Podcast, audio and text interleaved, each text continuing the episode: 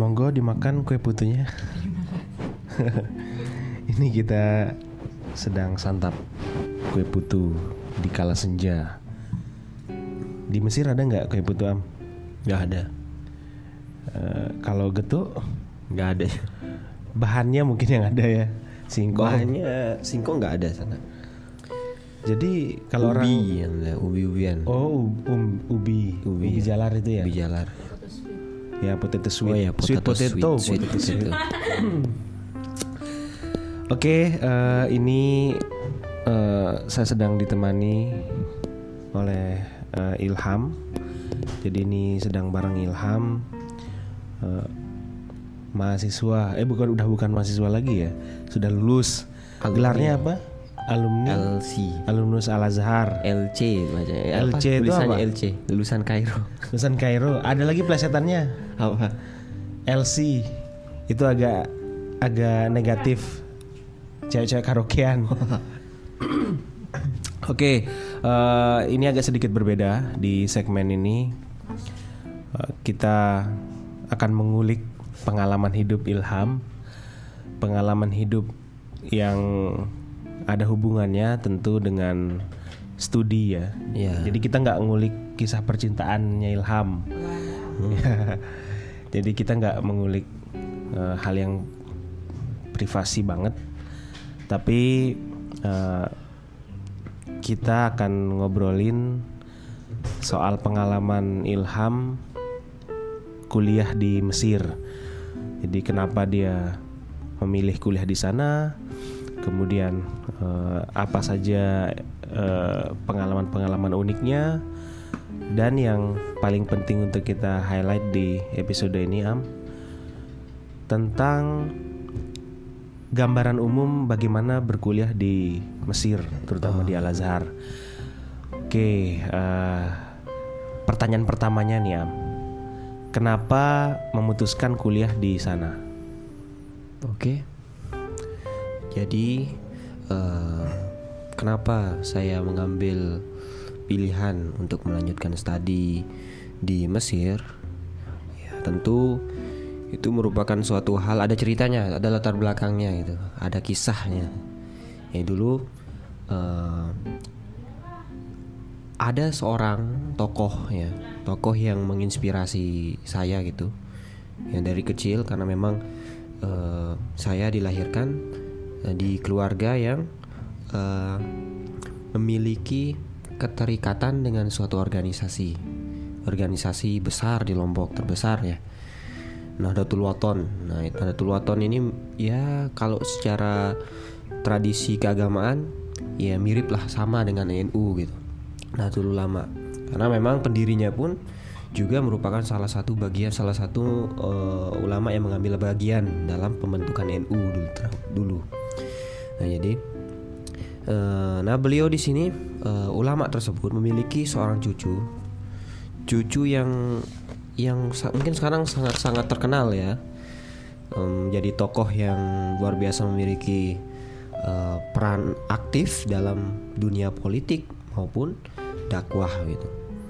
Bisa bahkan bisa dikatakan dia sebagai seorang pemikir juga. Ada beberapa eh, cendekiawan Muslim di Indonesia yang menganggap beliau juga masuk dalam eh, seorang pemikir.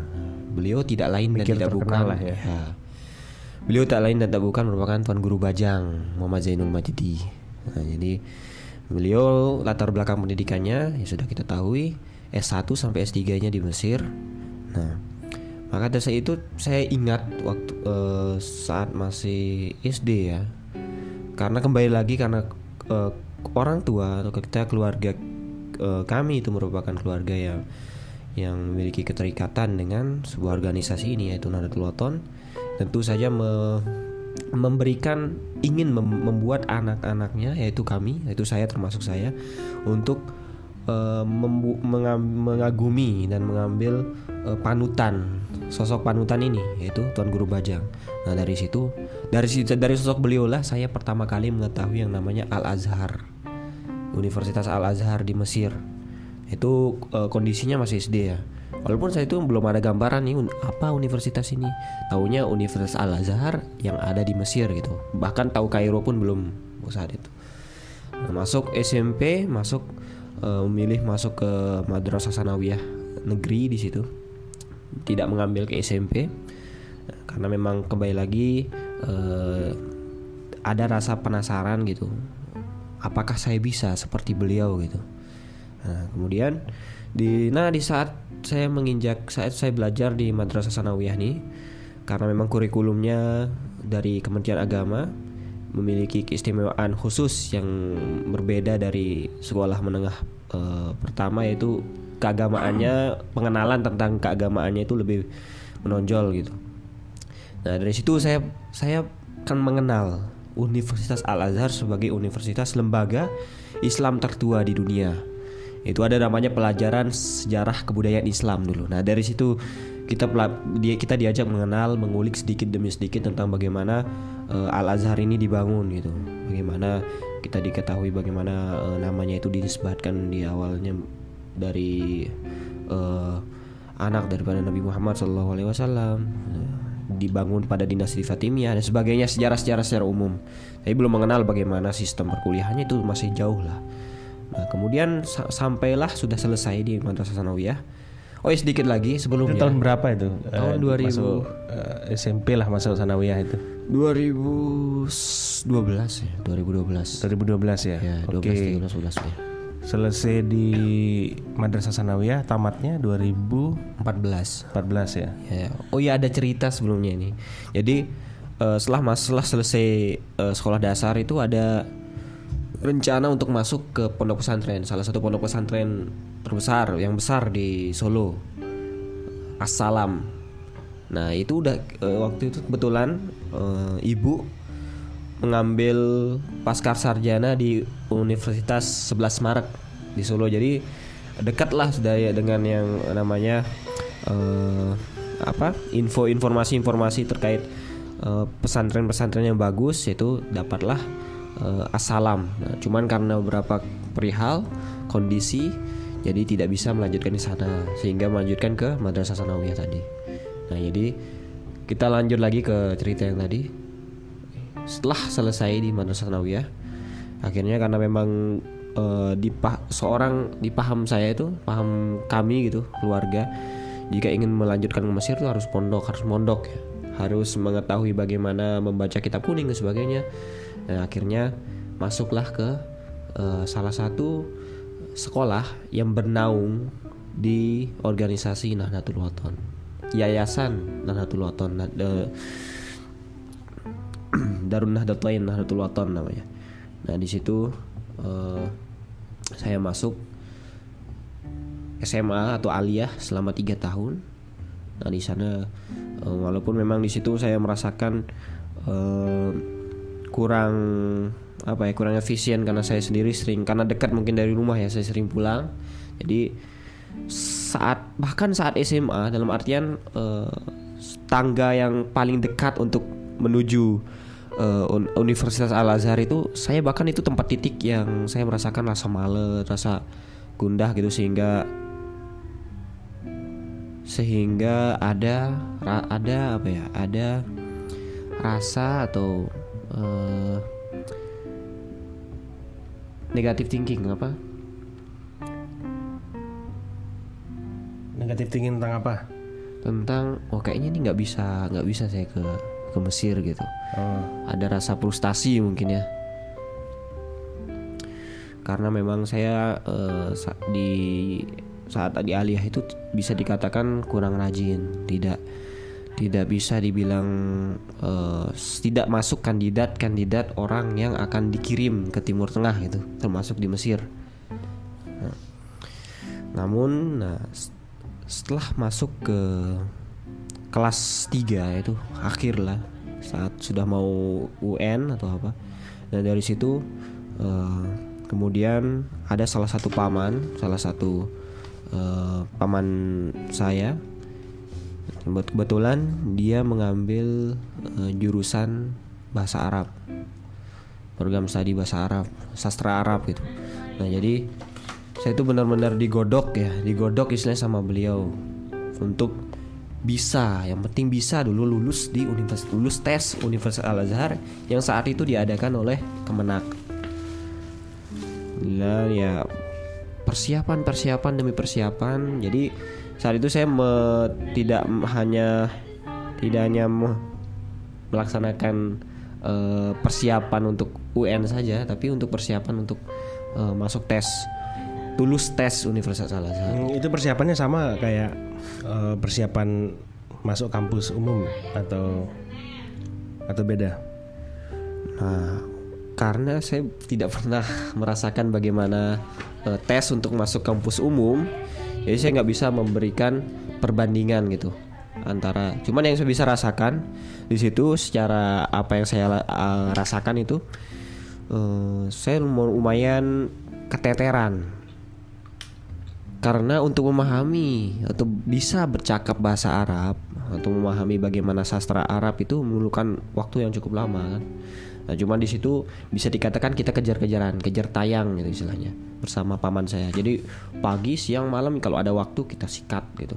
Kita bahas materi, bagaimana materi materi-materi yang berhubungan dengan eh, seleksi tersebut, juga melatih eh, percakapan bahasa Arab, kecakapan untuk mengucapkan bahasa Arab karena eh, kita selain tes eh, tulis juga ada tes wawancara, tes tulis tulis untuk isai-isai dan sebagainya, isai-isai berbahasa Arab eh, dan juga wawancara, ada tes wawancara.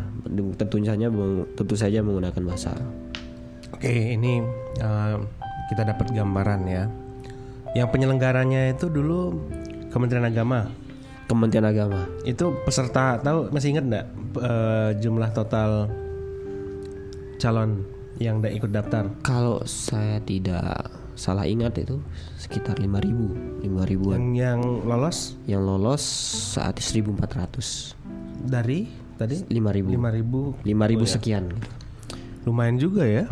Itu se Indonesia ya? Iya karena saat itu memang dikatakan 2017 eh, saat di mana Mesir itu dalam eh, apa tanda kutip Azhar gitu Al Azhar Universitas Al Azhar itu mulai membuka eh, sayap yang lumayan luas gitu dalam artian kalau sebelum sebelumnya yang diterima 700 Oh, sedikit Sebelumnya, ya sebelumnya malah ada 300 pokoknya sedikit lah Oh, oke, oke. Cuman- itu mungkin ada misi tertentu lah ya. Nanti kita bahas. Ini menarik ini, karena eh, dinamika politik di Timur Tengah itu sangat menarik untuk kita bicarakan. Oke, kita langsung aja lompat.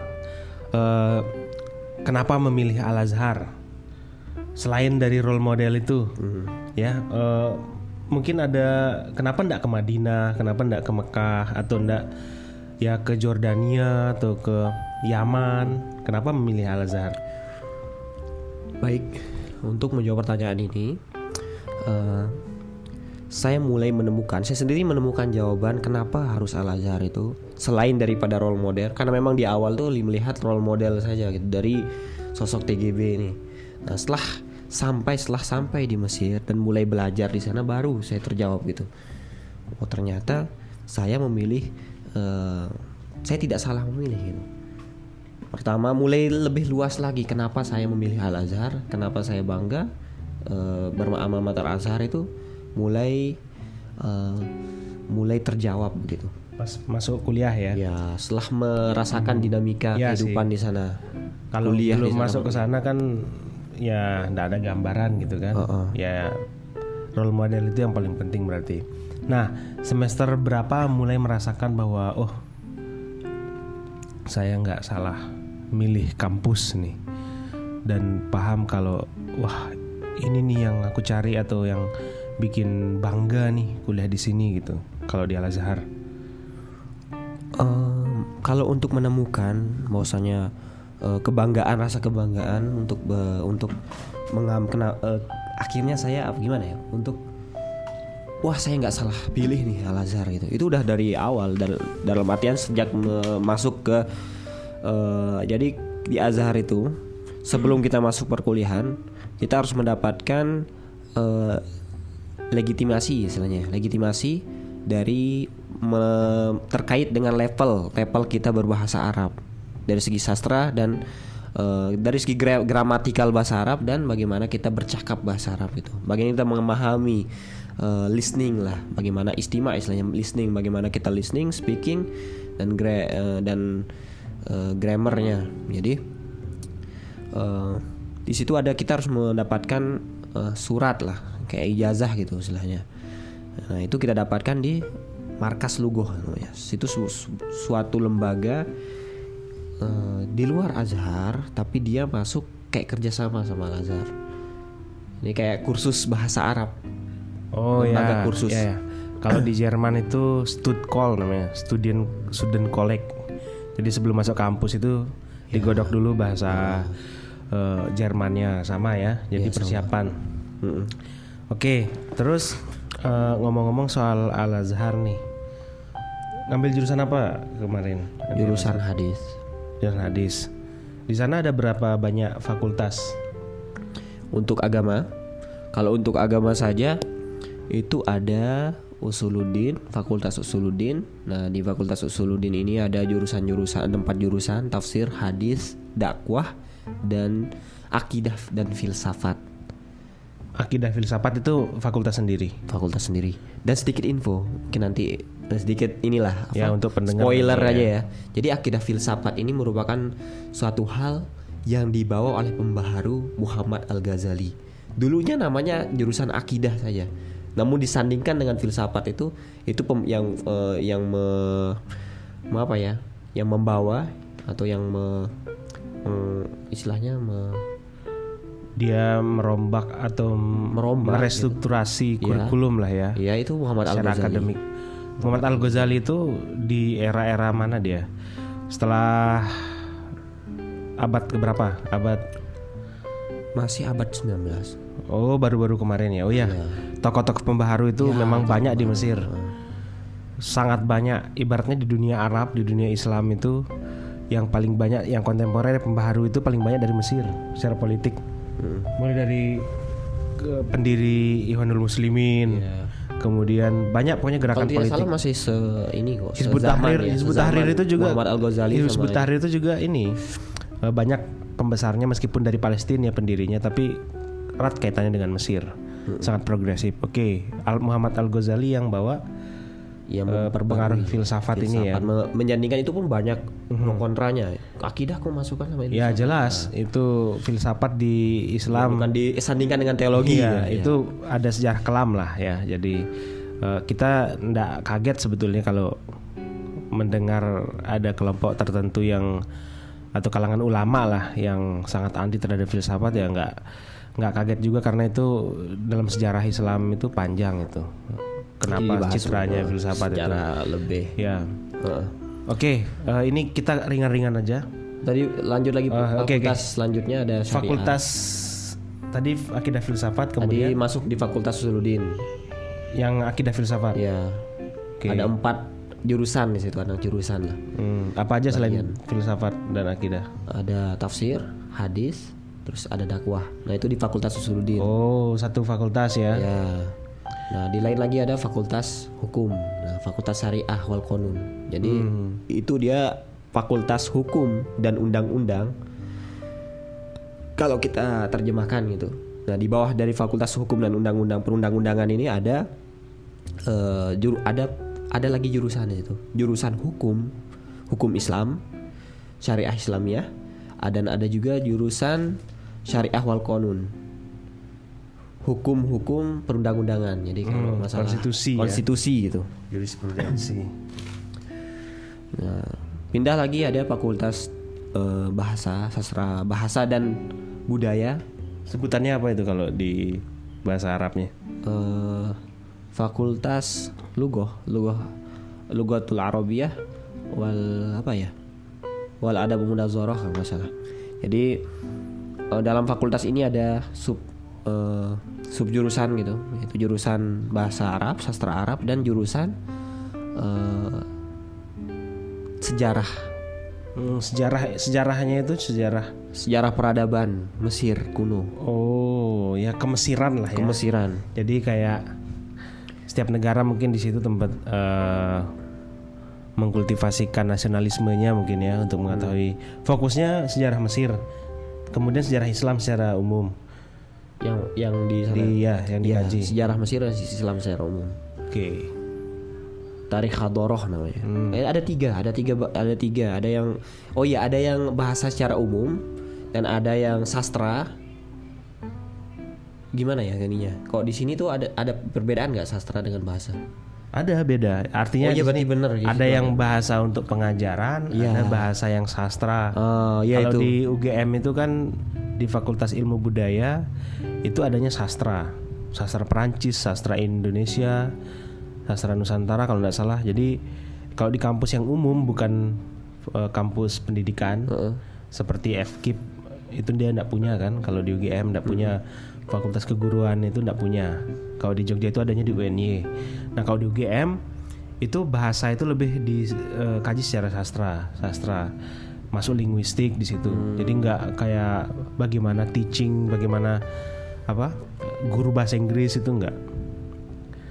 Nah, anda tahu kalau di Mesir di Mesir gitu. Kayak Jadi gitu ada kalau bahasa Arabnya eh logo ammah itu bahasa secara umum, umum dan ada sastra yang eh, lebih kayak sastra itu dia masuknya ke bagaimana lebih mendalam lagi. Walaupun di Arab ini kita dia belajar sastra juga, cuma di sini lebih, lebih sastra bagaimana syair-syair Arab gitu. Itu lebih dominan di situ. Syair-syair eh, bahasa Arab kan syair-syair Hmm, ya, terdahulu syair, ya.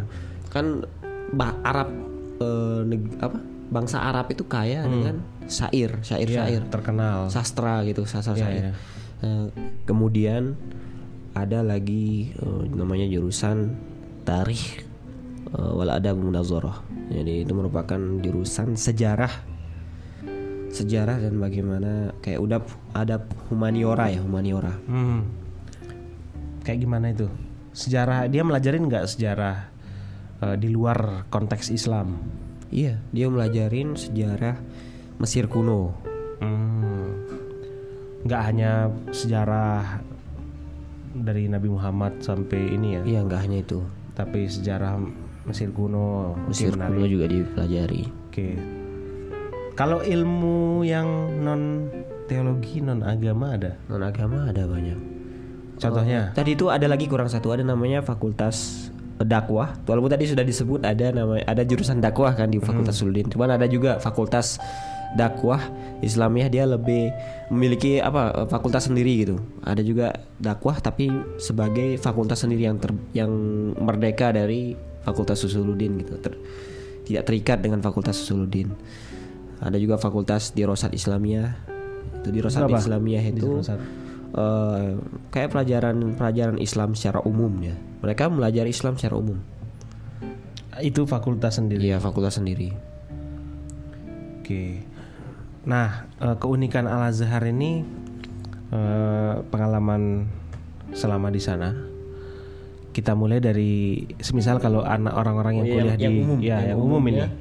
Orang kuliah di UGM gitu kan atau di Jogja lah. Hmm. Pasti ada yang membedakan dengan eh, kuliah di UI selain dari akademiknya gitu. Hmm. Ya, contohnya masyarakat atau lingkungan gitu ya. Kalau di Mesir itu apa yang paling unik gitu? Yang saya dengar-dengar orang Mesir itu katanya konon katanya ini ya eh, temperamental, sering berantem keras Oh, gitu. Iya. Nah, gimana itu eh, pengalamannya? Coba diceritakan. Eh, sebelumnya eh, jawab juga pertanyaan yang tadi di awal yang sebelumnya yang bagaimana kalau yang di umum itu ada berapa fakultas? Nah, ada kedokteran. Itu sama seperti di Indonesia. Ada kedokteran, ada matematika, ada sains dan sebagainya. Oh, ada itu. Iya. Nah, kembali ke pertanyaan yang tadi, eh, bagaimana dengan kultur? eh, bagaimana kita sebagai mahasiswa yang pendatang begitu dari kita memiliki kultur kultur masing-masing kan, kultur khas kita sendiri yang kita bawa dari Indonesia.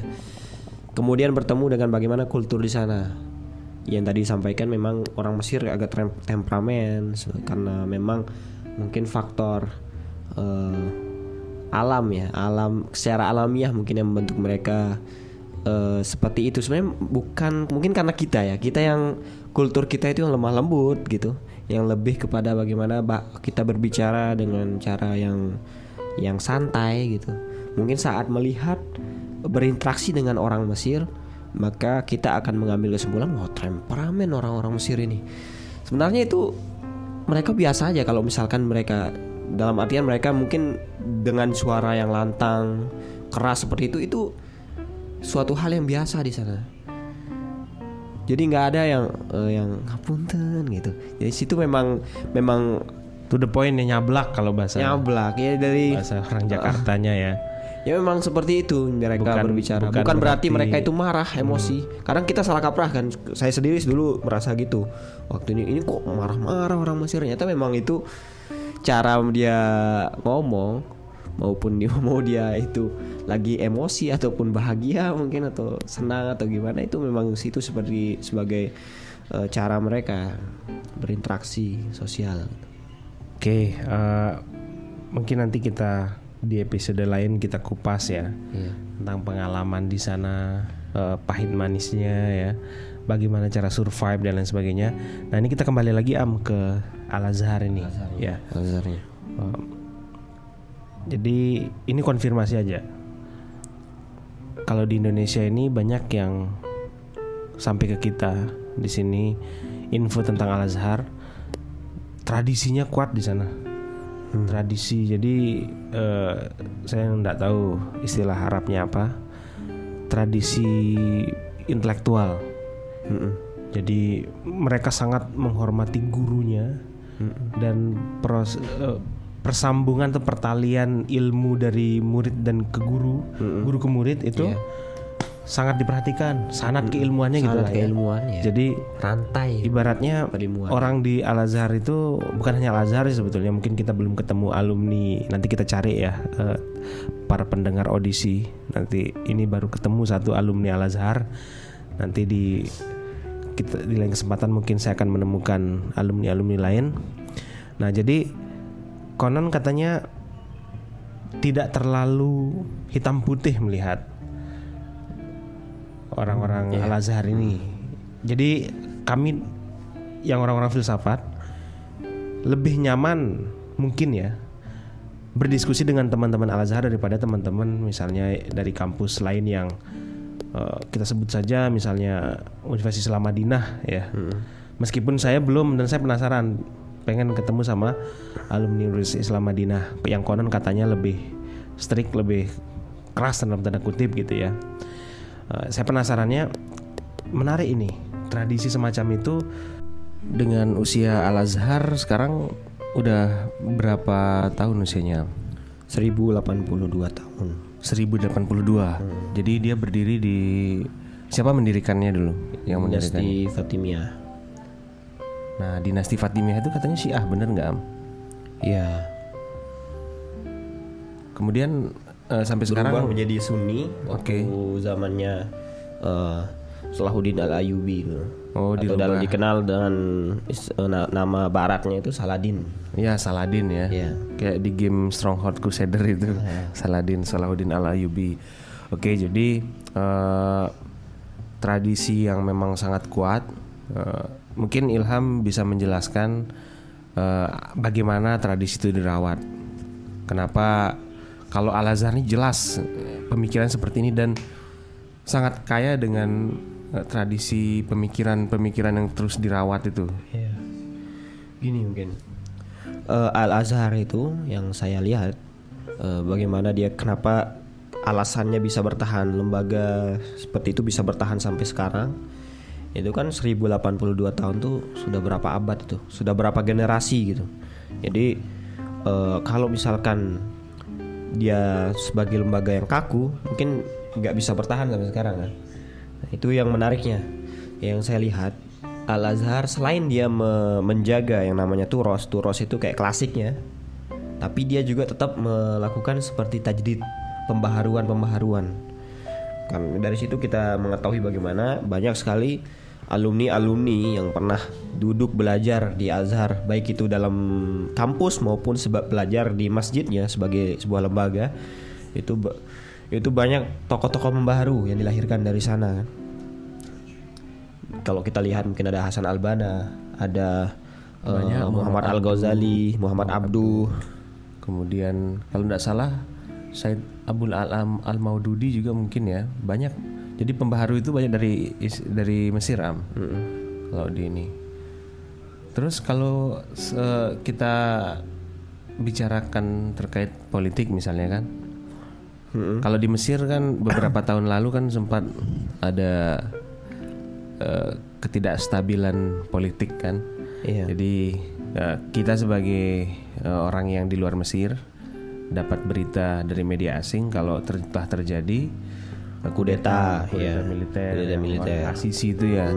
Dan eh, teman-teman yang paling merasa dirugikan ya teman-teman IM biasanya kan, Iya. teman-teman Ikhwanul Muslimin, teman-teman yang bergerak seperti Hizbut Tahrir dan lain sebagainya itu, terutama Ikhwanul Muslimin yang kemudian mereka mengkampanyekan di media bahwa ya zolim dan lain sebagainya gitu. Nah, eh, perspektif Ilham yang sudah kuliah di sana merasakan kondisi politik di sana bagaimana? Yang yang benar-benar ini kita meng-cross check ya. Yang langsung dari pengalaman empiris selama tinggal di sana, itu kan ib- ibaratnya kita mendapatkan cross check kebenaran di situ. Baik. Eh, di sana kalau kita lihat bagaimana kondisi politik saat ini itu mungkin ya bisa dibilang persis seperti kurang lebih ya sama seperti zamannya Orde Baru di sini zamannya Pak Harto dari segi apa latar belakang militer dan bagaimana diktatornya kematian memang kalau sampai sampai sekarang itu- Otoriter lah. ya otoriter Eh, Nggak boleh demo, nggak boleh demo. Kalau ada demo itu bisa ya bisa hilang dia. Bisa di sniper ya. Ya, bisa sniper. Kata temen saya juga pernah cerita dia jadi ada anak demo-demo gitu tiba-tiba udah meninggal aja gitu. Iya. Jadi juga tapi ya. kalau kita lihat itu mungkin salah satu kenapa Mesir menerapkan hal seperti itu. Mungkin itu salah satu kunci yang menyebabkan Mesir sampai sekarang tidak seperti negara-negara Timur Tengah yang lain yang sudah diambang kehancuran seperti Suriah ya. seperti Ya- Yaman. Yaman walaupun masih sekarang cuman Udah tetap porak-poranda lah. porak-poranda, tetap ada pemberontakan di mana-mana eh, di beberapa tempat gitu. Terus seperti Libya terus yang terbaru Sudan Hmm, nah ini perspektif penting ini. Jadi teman-teman yang di Indonesia pun ketika nggak bisa kita menelan mentah-mentah yang ada di sosmed kan. Jadi misal pemerintahannya diktator, Iya. sebetulnya kita yang kita tanyakan itu bukan kepada ini diktator kok bisa jadi diktator gitu ya. Iya. Alasan mereka, Kenapa? alasan mereka Seperti itu yang itu. perlu. Jadi alasan latar belakang politiknya kenapa seperti itu. Jadi ya mungkin yang mendengarkan podcast ini eh, pernah mengkaji kajian Timur Tengah ya paham lah bagaimana carut marut politik di Timur Tengah kemudian dan sebagainya ya. Artinya itu mungkin jalan yang Yang paling diambil bagus ya. mungkin, yang paling yang pas. paling dianggap efektif dan efisien untuk menjaga stabilitas negara eh, ya dengan cara diktator seperti itu dengan cara otoriter seperti itu. makanya banyak yang menyalahkan menganggap Abdul Fattah Abdul Fattah Sisi itu merupakan seorang yang yang anti Islam dan menganggap seorang yang sangat-sangat sekuler apa Ya, soalnya itu dari kacamata orang yang di- digebuk sama dia. Contohnya misalnya teman-teman Ikhwanul Muslimin karena mereka kan ingin mendirikan negara Islam misalnya dan sebagainya. dan kenapa terjadi kudeta itu ada pertanyaan ada ada cerita juga kenapa Nah, terjadi Kenapa? Kenapa itu? Jadi kalau misalkan ada eh, Mursi ya, rahimahullah lah, eh, Mursi presiden saat itu, Oh, ya. rahimahullah, dia orang IM kan, Ikhwanul Muslimin. Kenapa sampai sampai sekarang sampai Ikhwanul Muslimin itu dilarang, sedangkan Mesir merupakan negara yang terbuka dalam segi pikiran. Iya, kenapa? Nah, IM itu kan bukan bukan hanya bergerak politik doang, cuman kenapa dia dilarang itu karena politiknya. Kan dia juga bergerak dalam pemikiran kan. Iya, sampai bagus. dilarang. Iya, Heeh. Bagus gitu. Bahkan sampai sekarang eh, bahkan salah satu tokoh pentingnya seperti eh, Syekh Qadawi rahimahullah itu masih digunakan pemikirannya di Azhar. Nah, dari sini kenapa eh, Ikhwanul Muslimin ini dilarang gitu. IM ini dilarang dalam sam- di Mesir. Bahkan kita menyebutkan namanya saja sebagai mahasiswa itu bisa membahayakan kita gitu. Bisa terancam deportasi dan sebagainya. Apalagi sampai mencari, mengutip kitab-kitab beliau toks termasuk Syekh itu dilarang di sana. Itu ternyata ada jalan ada ceritanya kenapa sampai seperti itu. Ya karena dulu yang saya dengar dari senior-senior yang yang sudah hidup yang sudah tinggal di sana pada saat pemberontakan itu itu dulu Ikhwanul Muslimin ini hendak membuat tandingan eh, Hayah Kibar Ulama eh, kibar ulama itu seperti dewan ulama senior Azhar. Dari dewan ulama senior itu itu nanti ditunjuk mufti dan eh, apa? dan grand sheikh. Nah, dari situlah. Nah, dia kayak Ikhwanul Muslimin ini saat di bawah di dikomandoi oleh Mursi itu hendak menandingi me, hendak mengikut me, ikut campur dalam rumah tangga Al Azhar. Selain itu, dia juga mulai me, apa? melaksanakan melakukan hal-hal yang seperti bisa dikatakan agak inilah ingin membuat seperti khilafah mungkin di sana di Mesir. Dia kan mengganti uh, dasar dasar-dasar uh, perundang-undangan Mesir mungkin. Konstitusi Mesir gitu. Maka dari situlah bergerak pemerintah um, bergerak uh, militer untuk melaksanakan kudeta. Itu pun Al Azhar di sana posisinya tidak bekerja sama dengan apa dengan militer untuk menggulingkan Mursi. Tapi Azhar itu sebagai penengah jadi setelah melaksanakan kudeta ini udah kosong nih kan kosong pemerintahan. Itu Al Azhar me men menengahi bagaimana kalau diadakan pemilihan ulang. Jadi dari militer ada satu dari IM satu. Namun di situ orang-orang IM gak terima karena mereka menganggap diri mereka masih berkuasa gitu. Akhirnya muncullah uh, puncaknya puncak pemberontakan itu. Di di Tahrir namanya Medan Tahrir itu katanya kalau dari cerita senior tuh orang baku tembak di sana. Oh, IM juga bersenjata dia. Iya. Oh, benar-benar ini ya. Ya, maksudnya mereka militan. Uh -uh. Punya senjata gitu. Ya. Seperti Hamas. Hmm. Nah, pas kuliah di Mesir itu masuknya tahun berapa? 2017. 2017. Nah, 2017 itu kondisinya sudah stabil stabil atau? stabil sekarang. Bahkan Al Azhar sekarang e, memegang penting peran penting dalam pemerintahan. Ya kalau bisa kita lihat dari penasehat penasehat presiden sekarang itu. Jadi e, di Mesir atau mungkin berapa negara-negara Timur Tengah itu pasti kayak mungkin rajanya atau perdana menteri atau presidennya itu ada nanti penasehat kan. Nah penasehat presiden yang sisi sekarang itu berasal dari Al Azhar itu Syekh Usamah Al Azhari jadi bisa dikatakan sekarang ya jadi dia ndak ndak bener-bener anti Islam iya nggak sekuler nggak sekuler juga sih bisa dibilang ya itu tuduhan orang yang sakit hati lah yang dilarang yang digebuk kalau gitu. sekuler kan dia benar-benar memisahkan antara bagaimana ya, struktur negara dulu sama di uh, Turki itu di awal-awal berdirinya Turki. Hmm. bahkan ada beberapa DPR itu kursi DPR itu diberikan kepada Azhar tanpa ada pemilihan gitu hmm. khusus. Jadi biar kenapa? Biar tetap uh, Republik Arab Mesir itu tetap dengan bagaimana uh, dia itu ber apa sih namanya? Jangan terpisah dengan agama begitu. Iya. Yeah. Tidak terpisah dengan agama, tetap. Jadi ribet juga ya di Timur Tengah itu. Ribet dia. Jadi Lumayan. apa ya sentimen kebaniannya itu mungkin masih tinggi karena mm -hmm ya kita lihatlah dari bagaimana dinamika politik di Timur Tengah, Suriah dan lain sebagainya. Pertama mungkin karena mereka ingin dikuras minyaknya, terus ya pengaruh-pengaruh dari Amerika, kemudian Cina. Mesir itu sebagai uh, sebagai info sedikit info, Mesir itu masuk dalam daerah yang dijanjikan kalau dalam yang paham Yahudi Zionis. Makanya ke dulu itu ada di semenanjung Sinai itu pernah dikuasai oleh uh, Israel. Cuman berhasil diambil alih oleh Mesir sampai sekarang. Kenapa Mesir Israel nggak mengusik Mesir lagi? Karena memang saat ini militernya kuat. Mesir ter termasuk dalam segi militer dan mungkin politik diplomasinya kuat juga. Makanya nggak nggak di nggak bernasib sama seperti Palestina.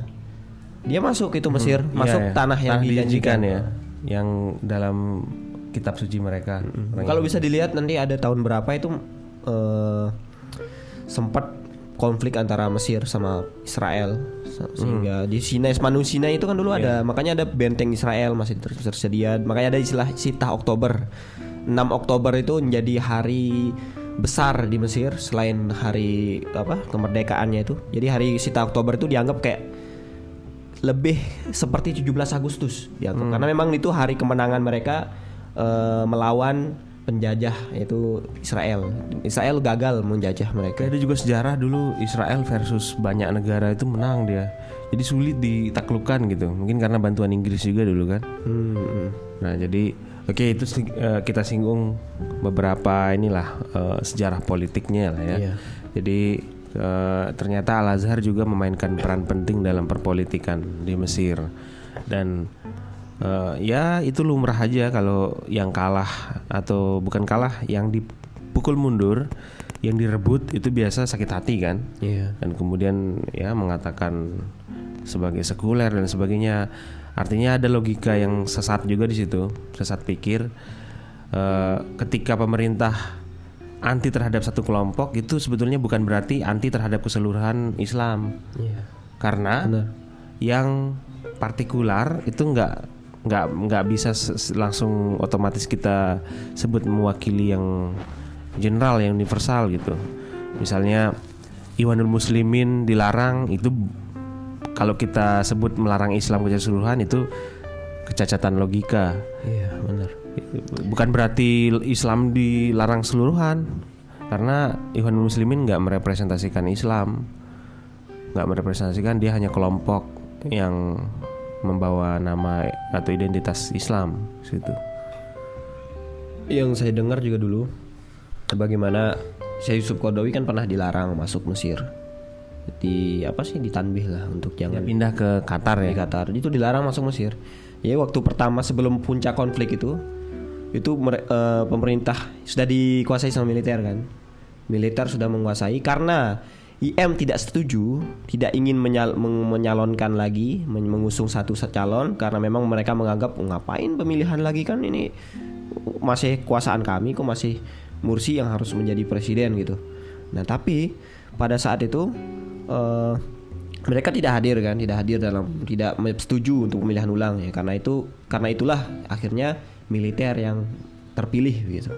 Secara eh, pemilihan kan seperti itu kan, di diskualifikasi lah istilahnya karena tidak tidak ingin mengusung calon. Nah, saat itu Prof eh, Yusuf Qaradawi itu nggak di- dilarang masuk Mesir. Nah, yang menurut cerita senior saya itu Syekh Grand Syekh yang sekarang itu sampai me- menjamin menjamin Syekh Qaradawi supaya diberikan masuk sama militer yang sudah sah menjadi penguasa saat itu. Sampai-sampai beliau memberikan jaminan jubah saya dan pakaian kebesaran Azhar ini menjadi jaminan untuk supaya beliau di- beliau dibiarkan dibiarkan masuk gitu. Karena memang dihormati sangat sangat sangat dihormati betul. mati sama Azhar ya sampai Iya, sekarang dihormati sama Azhar. Cuman yang menjadi sayangnya saat itu eh Syekh Qaradawi itu meng- mungkin karena terhasut ya sama beberapa tokoh lah ya, sama tokoh yang di belakang di IM itu. Jadi dia mengeluarkan fatwa jihad. Oh, Itulah yang menjadi puncak konflik saat itu. fatwa jihad ya. Fatwa jadi jihad. orang-orang IM itu langsung ngangkat senjata Langsung ya. angkat senjata, makanya langsung pertempuran menjadi medan pertempuran di sana di Kairo. dan itu juga ya bukti bahwa kadang ideologi yang ditarik dari agama itu memang pengaruhnya luar biasa. Jadi ketika imam berkata menyerukan untuk perang, mereka akan perang. Nah, jadi vital sekali perannya imam-imam ini ya, Am ya.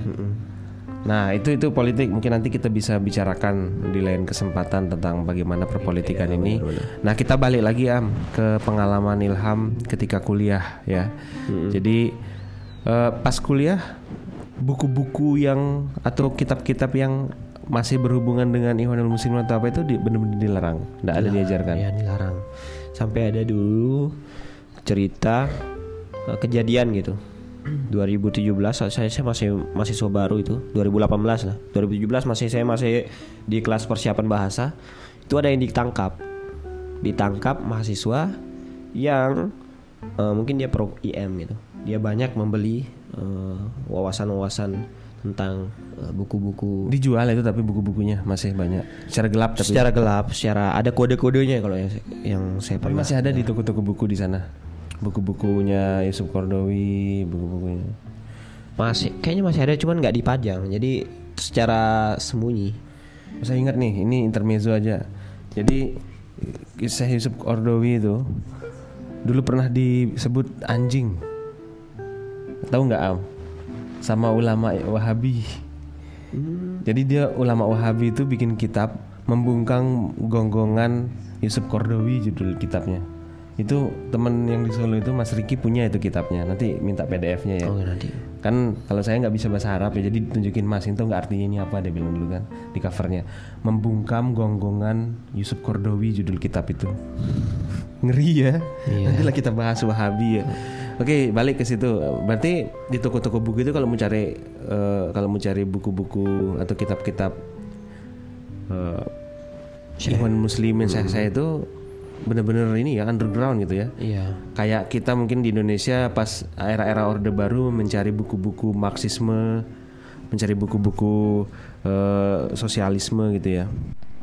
Kalau Am sendiri pernah eh, iseng-iseng nyarinya di buku-buku underground gitu? Gak pernah sih. Nggak berani ya? Ya gak nih. Ya cari aman Cari sebetulnya. yang aman yang lurus-lurus saja. Karena itulah ngerinya kalau sudah berkaitan politik itu eh, pecah belah terus udah kayak barang pecah belah ya. Jadi hubungan yang sudah terawat itu bisa terpecah dan itu yang terjadi di Timur Tengah. Nanti eh, kalau mau dilanjutkan pembacaannya am baca tentang Arab Spring, tentang politik-politik Timur Tengah itu atau karyanya Edward Said Orientalisme itu juga menarik itu. Kenapa di Timur Tengah menjadi carut marut, terus kenapa Barat itu ikut campur dengan perpolitikan Timur Tengah itu sudah kaitannya sama eh, geopolitik, politik global. Jadi bukan hanya jadi politik di Mesir itu bukan hanya akibat dari dinamika dalam negeri aja, lebih kepada kekuatan yang lebih besar dari itu gitu. Seperti perang dingin dulu Soviet lawan Amerika. Itu kan Indonesia dulu sempat di bawah Soekarno kan dekat sama Cina sama Soviet gitu ya. Bener. Terus Amerika melakukan spionase dan lain sebagainya. Terjadi G30S kemudian jatuh ke tangan Soeharto yang dalam tanda kutip lebih pro terhadap Amerika. Amerika atau Bank Dunia gitulah. Nah, ini kembali ke pengalaman studi di sana Eh, sebagai ending lah ya. Kita ini sudah 47 menit nih, udah lumayan nih, udah hampir satu jam. Kalau perkuliahan di sana itu gimana am?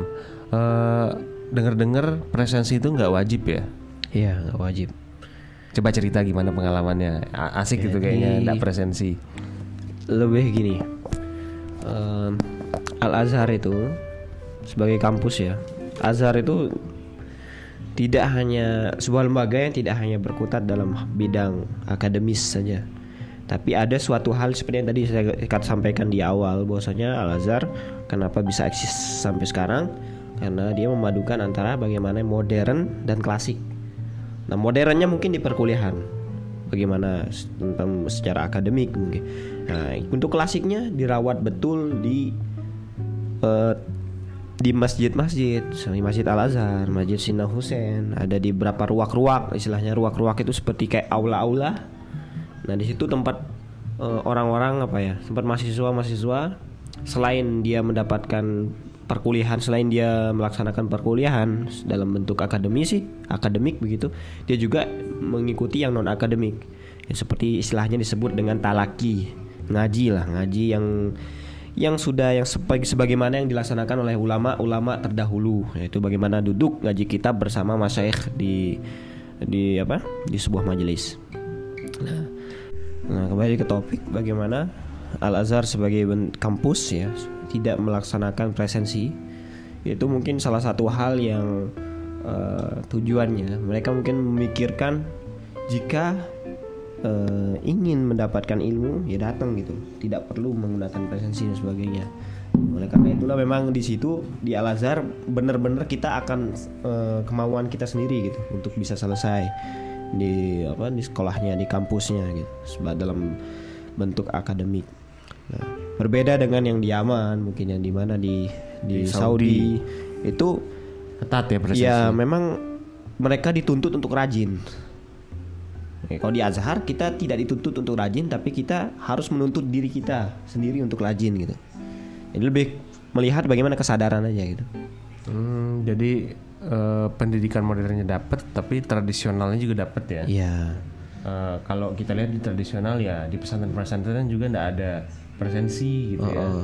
Pesantren yang tradisional, siapa yang datang belajar ya dia yang paham gitu. Iya. Nah, kemudian kalau perkuliahannya sama atau eh, Ilham belum pernah merasakan kuliah di dalam negeri ya? Iya. Jadi mungkin sedikit gambaran Am kalau di dalam negeri itu dosen menyiapkan RPKPS. Jadi di pertemuan pertama itu dosen memperkenalkan diri, kemudian menjelaskan mata kuliah, terus eh, satu semester itu mau bahas apa.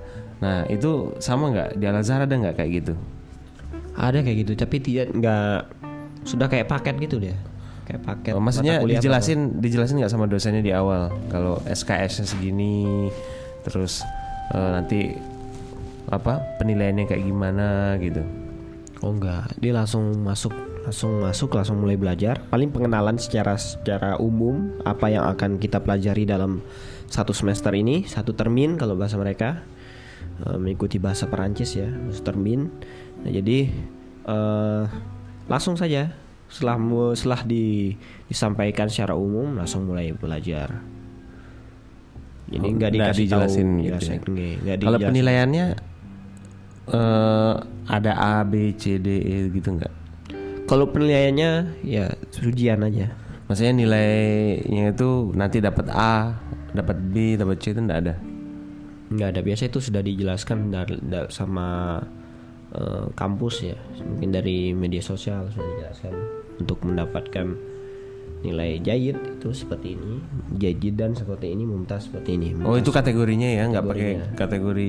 Sebetulnya A itu kan sangat baik kan, baik sekali apa ada turunan-turunannya kan.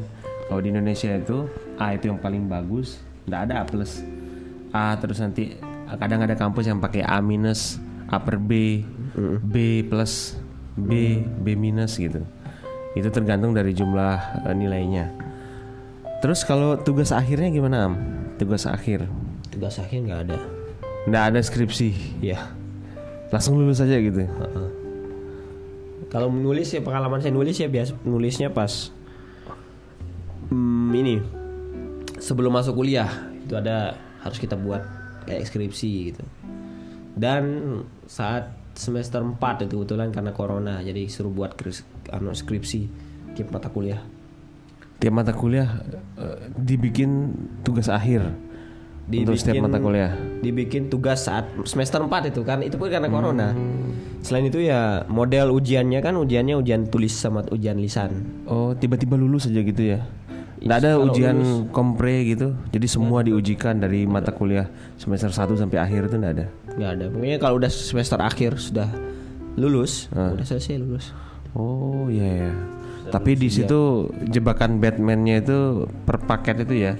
Jadi kalau nggak lulus itu itu yang membuat banyak yang ada yang sampai 10 tahun ini ya satunya apa 10 tahun kok di Indonesia itu nggak bisa paling lama sekarang itu 7 tahun. 7 tahun itu nggak tahu sekarang udah berkurang kayaknya. Jadi 14 semester itu terakhir kalau sudah lebih dari itu tuh auto drop out. Karena digital semua kan datanya. Ya kampus nggak bisa intervensi itu langsung di pusat itu. Semisal lebih dari tujuh tahun langsung nanti di pangkalan data itu udah nggak aktif data mahasiswanya. Oh. Oke nanti kita lanjutin am di eh, episode berikutnya ya. ya Kita lanjutin mungkin kita nanti ngobrolin spesifik lagi di Al Azhar tuh apa mata kuliahnya. Terus kemudian eh, bisa cerita sedikit tentang mata kuliahnya itu seperti apa di hadis. Seperti apa ilmu hadis itu gitu kan. boleh boleh Eh, supaya pendengar juga tercerahkan lah di sini ya meskipun di podcast, podcast filsafat tapi eh, ini episode yang kita mengulik studi mengulik kampus dari mana pun itu di dalam negeri ataupun di luar negeri. Oke terima kasih Am. Oh, sama-sama Sampai ketemu di episode berikutnya.